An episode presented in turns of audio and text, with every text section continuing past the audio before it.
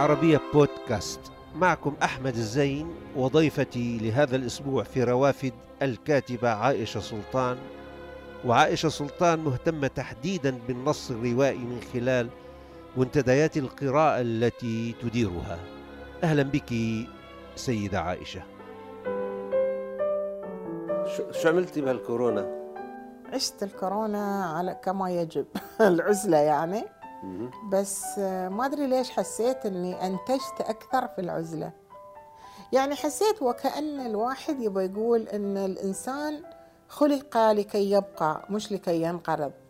عنده قدرة على ابتداع طرق للبقاء. هذه الغريزة الأولى. البقاء. غريزة البقاء الأولى. ولكن هل تستدعي هذه الغريزة أنه يخترع قنبلة نووية تدمر هيروشيما لا يبقى يعني التخريب اللي حدث في الطبيعة في الأرض من من تدمير للبيئة من التهام كل شيء واقتناء كل شيء أدى إلى إنه الطبيعة بتنتج ما هذا مثل ما تقول الوجه المقابل لفهم غريزة البقاء. الوجه المقابل. إذا أنت ترى أن البقاء أنك تزرع غيرك يرى البقاء أنه يقلع ما زرعته عشان هو يبقى. يعني هو هي الصفة الأخرى في الإنسان الأناني أيضا. نعم. وهذا فهم آخر للبقاء بعد. نعم. نعم لكل فهمه للبقاء وللحياة وللعالم وأيضا لكل طريقته في الدفاع عن نفسه وفي العيش. ولهذه السيدة طريقتها أيضا هي القراءة والكتابة وإنشاء منتديات ومحفزات لهذه المهمة النبيلة. هي عائشة سلطان كاتبة وصحفية وناقدة إماراتية ومحكمة في الجوائز العربية. عرفت بكتابتها اليومية منذ حوالي 24 سنة في جريدة البيان التي ترأست قسمها الثقافي ما بين عامي 97 و 2004 كما أدارت لفترة من الزمن البرامج السياسية في تلفزيون دبي. وبالتالي هي نائبة لرئاسة اتحاد الكتاب تزاول نشاطاتها العديدة وكتاباتها ولها في هذا المجال شتاء الحكايات وهوامش في السفر والمدن وفي مديح الذاكرة. ولعل ما تقوم به عائشة سلطان في نواديها الأدبية بحد ذاته هو عمل خلاق باعتباره من الأساسات الأولى في طرح السؤال وتشكيل الوعي بالذات وبالآخر. في الكورونا أسست لنادي قراءة. آخر. آخر غير عن اللي عندي يعني لأن أحيانا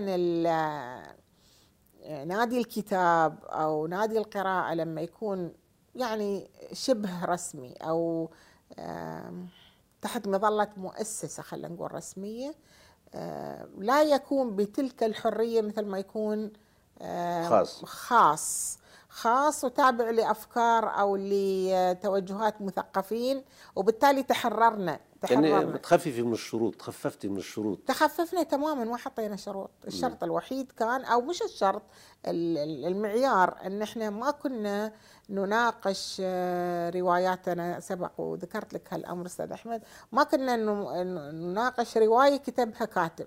كنا نناقش كاتب عنده مشروع روائي. وبالتالي أنا أبغي أطلع على عوالم هذا هذا الشخص. ولا يهمني هذا شخص عربي ولا غير عربي. المهم إن عنده مشروع روائي إنساني يرى العالم ويقول رؤيته للعالم من خلال هذا من خلال هذا المشروع. رؤيته في السلام في الإنسانية في البقاء في التصالح في التسامح في في المرأة في العلاقات الإنسانية إلى آخره. يعني لما أقرأ خالد حسيني مثلا أشوفه كيف يرى العالم وهو الذي هاجر من أفغانستان وراح قعد في أمريكا. كيف يرى أفغانستان؟ كيف يرى وطنه؟ شو يعني الوطن؟ وشو يعني البقاء؟ وشو يعني المرأة؟ وشو يعني الفقراء؟ وشو وشو وشو؟ كل هذا يتجلى في مجموعة من الروايات. هذا المشروع الإنساني اللي أنا أبغى أطلع عليه.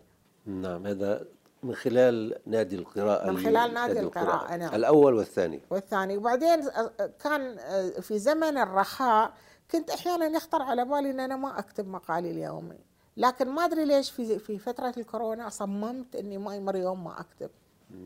وإني أنا كأفتح نافذة العزلة هذه وأقول هل سيتغير تقييمي ورؤيتي للعالم من خلال موقعي الآن كشخص معزول؟ فقد جزء كبير من شرط الإنساني وهي الحرية، الحرية هي شرطك الإنساني أصلا.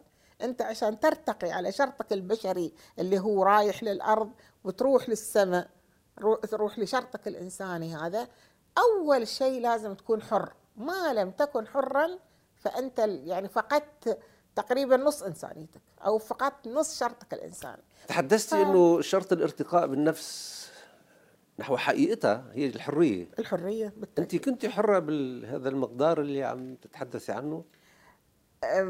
متى؟ في في في, في مسار حياتك وتجربتك.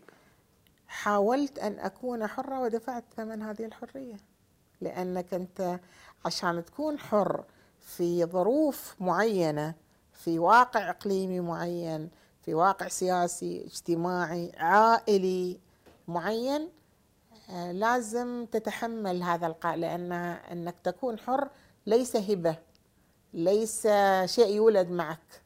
مش صحيح نحن ولدتنا أمهاتنا أحرار على فكرة. هاي المقولة تحتاج مراجعة.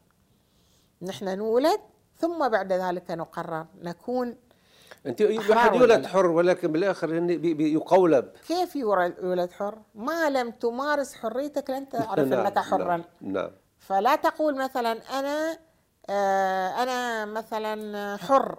ما لم فعلا تنحط على المحك وتشوف إنك حر ولا لا. تختبر تختبر, هذا تختبر. هذا الحرية طبعا يجب أن تختبر أشياء كثيرة في الحياة. نحن نعتقد بأنها مسلمات لكن هل شو الاثمن اللي دفعتيه انت دفعت ثمن يعني على الأقل بالنسبة لناس من من جيلي صار في صراعات في في في في أماكن العمل. استبعدنا عن في أماكن عملنا مثلا. مم. هذه حقيقة. حتى لم في في موضوع الكتابة تم في فترة من الفترات مثلا أنا استبعادي مثلا عن الكتابة في الصحيفة اللي كنت أكتب. نتيجه, نتيجة موقف نتيجة أكيد. الجرأة في نصك اللي بتكتبيه في نتيجة الجرأة مش الجرأة المطلقة بس الجرأة في معالجة أمور معينة. ما أنت ممكن تكون جريء في مناقشة أمور لا لا تقدم ولا تؤخر. هي الجرأة هي القدرة على كشف الغطاء. أحيانا أنت تكون جريء آه، ببراءة على فكرة. لا تكون جريء بمعنى أن تناكف أو أن تشاغب تكون جريئا لأنك تعتقد أن هذا الموضوع يكتب بهذه الطريقة لا يكتب بطريقة أخرى. تماما. فتجد نفسك أنك أنت أوف وقع الفأس في الرأس مثل ما يقولون. وتبدأ تسأل ويعتقدون بأنك تسأل بخبث. بينما أنت تسأل فعلا لأنك تسأل تريد أن تعرف لماذا أوقف هذا المقال أو لماذا استبعدت أو لماذا أو لماذا. لكن تحتاج إلى زمن لتنضج وتفهم لأن في أسئلة لا تعرف إجابتها في الوقت المناسب. نعم. طالما عم نحكي عن هذا عن هذا الموضوع عن عن الحرية وهذا الشرط الإنساني الكبير يعني وأنت تتابع التجربة في في في الإمارات تجربة الشابات اللي دخلنا على منصة العمل الروائي على هذا المطرح. التجربه الروائيه على المطرح والقصة إلى ما هنالك. بتشوفين هن أحرار إنه عم يكتبوا أم يعني أم عم بيراقبوا أنفسهم طالما إنه هو الشرط الإبداع والحرية هن عم يقدروا يكونوا فعلا يعني ملتزمين بهالشرط أو يكتبون تحت تجليات هذا الشرط؟ أنا لا أعرف هؤلاء النساء حقيقة يعني ولا أعرف كيف يتعاطين مع هذه مع هذا المفهوم. آه، أقصد لا أعرفهم شخصيا لم أدخل إلى دواخلهم. أنا أقرأ المنتج الذي نعم. يقدمونه في النهاية. فإذا كان كل منتج أدبي هو جزء من صاحبه يعني أيما كاتب أو أيما روائي يأخذ من تجربته ومن نفسه ومن أفكاره تلك الخميرة التي تنضج هذا العمل أو التي تؤدي إلى آه، ظهور هذا العمل. فأنا أعتقد أن لن أقول أنهم ليسوا أحرارا. هناك حرية بدرجة من من الدرجات. أحيانا إنك تكتب وتكتب باسمك الكامل وتظهر ما تكتبه للعلن وتواجه هذا العلن أو هذا المجتمع بكتابتك هذا جزء من الحرية أيضا. نعم. هاي أيضا لأنك أنت قررت أن تواجه لكن هي الحرية تتجلى في ماذا تكتب؟ نعم. ما الذي تكتبه حقيقة؟ نعم. فبدرجة من الدرجات هناك نعم حرية لكن هي الحرية التي يمكن ال- التساؤل يجب أن يكون على مستوى هذه الحرية. ما هو منسوب هذه الحرية؟ قياسا بالحرية التي يجب أن تكون. فكل واحد آه، حسب قدرته على تحمل أعباء هذه الحرية. الحرية ليست سهلة على فكرة أبدا. نعم. وإلا ما دفعت كل هذه الأثمان لأجلها يعني. نعم نعم. بنبقى بالسؤال إنه هذا سؤال التجربة الروائية والقصصية بالإمارات. من الظاهر إنه ما زالت هيك في في مرحلة التشكل غير منجزة تماما يعني. ما فينا نتحدث عن إنجاز روائي. إذا بدنا نقارن مع تجارب أخرى في العالم العربي وفي العالم ولكن في طفرة مثل ما ذكرنا وفي هيك إقبال آه، مثل العدوى ال- ال- الكل صار يدلو يريد بدلوه أن يكتب رواية آه. بظنك شو؟ ما في أسباب لأنه أتينا بهذا الزخم إلى هذا المطرح يعني بهذه الكثرة يعني كانت فرصة أنه للبوح للكشف عن المسكوت عنه مثلا أم فقط في حوافز أخرى ربما جوائز مالية وغير مالية آه، أو مسعى نحو البروز نحو نجومية معينة. آه، أتخيل أن ال- الاستسهال في التعاطي مع مع النص الروائي سبب ما يتمتع به هذا النص اليوم من قلق في النظرة له كشيء آه، محبب والكل يخطب وده مثل ما يقولون. وعلى ذلك فأنا أعتقد أن آه، كثرة دور النشر في ال- الإمارات مؤخرا من 15 دار إلى 200 دار نشر في دولة آه، مثل الإمارات كله خير وبركة. لكن نحن يجب أن نعرف أن الإمارات جاءت إلى النشر متأخرة قياسا بكثير من الدول. طيب كم عدد السكان؟ ما هي درجة المقروئية والإقبال على القراءة؟ آه، كم درجة تداول الكتاب العربي في هذا المجتمع؟ لما يكون عندي 200 دار نشر. هذه دور النشر اعتقدت أو سلمت جدلا بأن الكتاب الأكثر إقبالا أو الذي يقبل عليه الجمهور أكثر هو الرواية. فصاغت معادلة من يريد أن ننشر له- له شيئا فليكتب رواية. الرواية هي الأكثر جلبا للشهرة. وبالتالي أصبح الناشرين أحيانا لا يستلمون نصا لنشرة وإنما يدفعون بعض الشباب للكتابة. فيستقطب يستقطبونه ويدخلون في برامج أحيانا جوائز أحيانا آه، ورش أحيانا لكي يكتب. شو السلبيات شو الإيجابيات تبع تبع هذا هذه الآلية في في العمل. أول شيء الإنتاج غير ناضج. الكثرة على حساب الكم الك- الكم على حساب الكيف.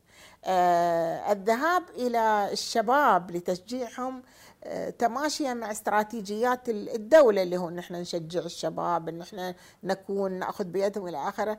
هذا ليس عملا هذا ليس نجارة هذا ليس ميكانيكا لكي أنا أشجع بهذه نعم. الطريقة أنا لا أريد أن أنتج آه، كراسي وطاولات أنا أنتج عمل فكري يحتاج إلى نضج يحتاج إلى تجربة يحتاج معرفة. إلى قراءه إلى معرفة. معرفة مقابل أن نشجع نحن اعتدينا على مستوى الجودة ومستوى النضج للرواية قبل أن تباشر في الجلوس والكتابة تسأل نفسك ماذا تريد أن تكتب ولماذا تريد أن تكتب؟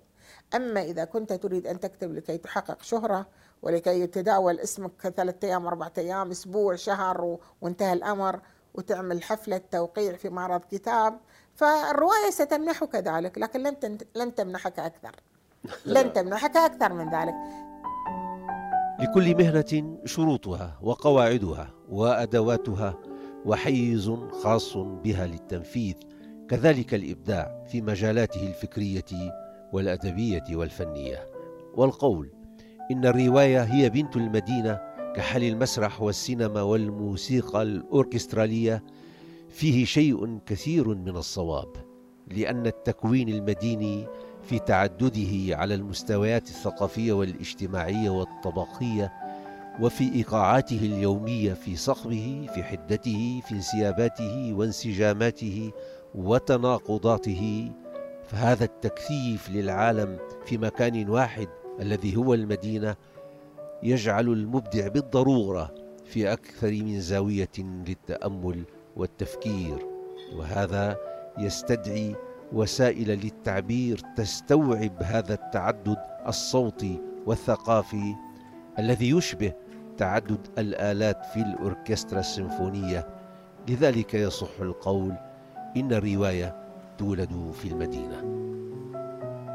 أنا أعتقد بأن يعني حتى في الصحراء عندنا مثلا خل أذكر هذا الاسم.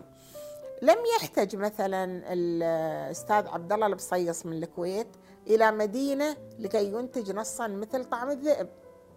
هو اختار شخصية من الصحراء وقصة حصلت في الصحراء علاقة شاب بذئب. هذه كل القصة وكان نصا من أجمل النصوص التي يمكن أن يقرأها إنسان. يستطيع الروائي الموهوب الذكي صاحب اللغة اللي عنده شيء يريد أن يقوله.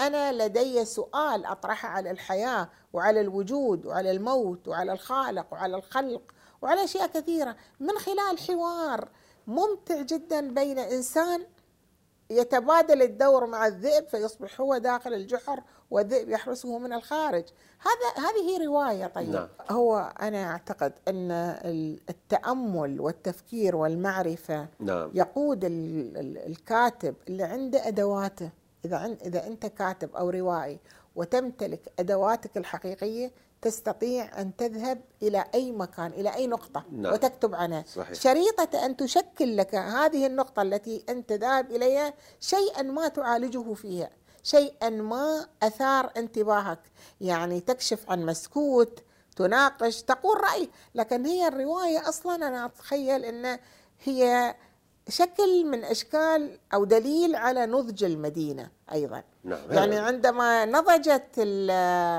المدينة في اليونان أنتجت مسرح أنتجت ال ال ال الدراما. الدراما هذه ومتى نحن نتحدث عن ما قبل التاريخ يعني, يعني أو نعم. بالضبط. وبالتالي هي المجتمعات في تطورها الأدبي أو تطورها الثقافي تتدرج. في فترة من الفترات نفس المجتمع وعلاقاته وعلاقته بالحياة لا تحتمل رواية. فتجد أن الرائج هي القصة لأن النفس مش طويل عند الناس لأن إيقاع الزمن والنفس والعلاقات التوتر بالضبط. إيقاع المدينة لا يسمح بأكثر لكن عندما تتشابك العلاقات وتبدأ الآن أنا الآن لما أتأمل هذا المجتمع اللي أنا فيه من عشرين سنة أجد أن هناك أشياء لم تخطر على البال موجودة اليوم أصبحت. وبالتالي دخلت إلى المجتمع ظواهر وشخصيات وأنماط وسلوك وقيم وثقافات لم تكن موجودة. كله يحرض على أنه كله يحرض, يحرض على, على أنا أعتقد أن الذي يحرض أكثر ما يحرض هو طرح السؤال. نعم أنت نعم. تطرح سؤال والسؤال هو إما القلق القلق والنقد يعني العين الناقدي والتساؤل. أحيانا الخوف واحيانا الخوف نعم. واحيانا الموقف. يعني أنا عندي موقف مختلف من هذا الذي يحصل فأريد أن أعبر. قد لا يسعني المقال وقد لا يتسعني القصيدة وقد لا تسعني القصة بالتالي ما يسعني هي الرواية. هذه الأشياء اللي عم نتحدث فيها ربما ساهمت أيضا في هيك إبراز بعض ال... بعض الوجوه الشابة والكتاب يعني شابات وشباب يعني نعم. في في في الدولة. ممكن نتحدث عن أسماء مثلا مين الأسماء اللي بتلفت نظرك من وجهة نظرك أنت يعني قارئة ويعني بتديري منتديات قراءة الرواية وعضوي في مؤسسات تمنح جوائز مثل البوكر وسواها؟ يعني أنت بتقري وعندك قدرة إنه تسمي بعض الأشياء بعض الأسماء اللي ممكن يعول عليها وأسست لشيء. نحن عندنا مثلا في في الرواية علي أبو الريش اسم لافت جدا في انتاجه على الأقل يعني في عنده منتج ومستمر في هذا الإنتاج. نحن عندنا كذلك الاخت الاستاذه لولو المنصوري كاتبة روائية وأمامها فعلا طريق لكي تقطعه لكن على الأقل ما تكتبه الآن ناضج بما يكفي وبما يكفي لكي يبشر بروائيه حقيقية. عندنا أيضا ريم الكمالي اسم روائي إماراتي حقيقي صوت حقيقي فعلا يشير إلى أن هنا روائية أمامها أيضا مستقبل وأمامها مشروع روائي. عندنا وداد خليفة أيضا أيضا صوت روائي جميل وقوي ويشتغل على نفسه بشكل احترافي قوي يعني. صحيح النتاجات قليلة لكن مستمرة. أنا ما يعنيني ليس أن هذا الروائي لديه رواية أو روايتين. أنا يعنيني الاستمرارية لأن المشروع الروائي يجب أن يستمر. لا يعول على كاتب كتب رواية وثم بعد ذلك توقف نهائيا دون ما سبب. تعدد الأصوات مهم وتعدد المناحي اللي تطرقها الرواية. في القصة أيضا هناك يعني مريم الساعدي. آه مريم تجربة كثير عميقة لأن مريم تطرح أسئلة وجودية دقيقة وحارقة وعندها قدرة على معالجتها بتأني. يعني تنضج فكرتها بهدوء آه عندها لغة قوية ولغة قادرة على الذهاب للهدف بسلاسة. إذا أصوات روائية وقصصية شابة تسعى لإنضاج مشروعها ومشروعيتها لتأخذ مكانا لها في المشهد الروائي العربي. وكما سلف الذكر تبدو جادة وتنبئ. بإحداث تراكم قد يشار إليه. هذه التجربة تذكر بتجربة مماثلة برزت في مطلع سبعينات وثمانينات القرن الماضي نذكر من روادها عبد الحميد أحمد سلمى مطر سيف ومريم جمعة وأمين أبو الشهاب. أصوات أنبأت يومها بولادة مشروع قصصي وروائي لكن سرعان ما بدأ وهجه يخفت. ويتلاشى وكأنه كان مجرد ظاهرة لم تبنى على أساسات متينة ولم تطمح للاستمرارية. وهكذا كأن هذا الجيل الجديد الشاب على قطيعة مع تلك المحاولات الأولى. لابد أن هذه الظواهر تحرض على السؤال ما هي الأسباب التي أنجبت تلك الأصوات يومها؟ وما هي التي أخفتها وهل هذا سيتكرر مع هذا الجيل؟ أعزائي يمكنكم متابعة روافد على مواقع التواصل الاجتماعي تويتر وفيسبوك ويوتيوب كما يمكنكم الاستماع إلى روافد على العربية بودكاست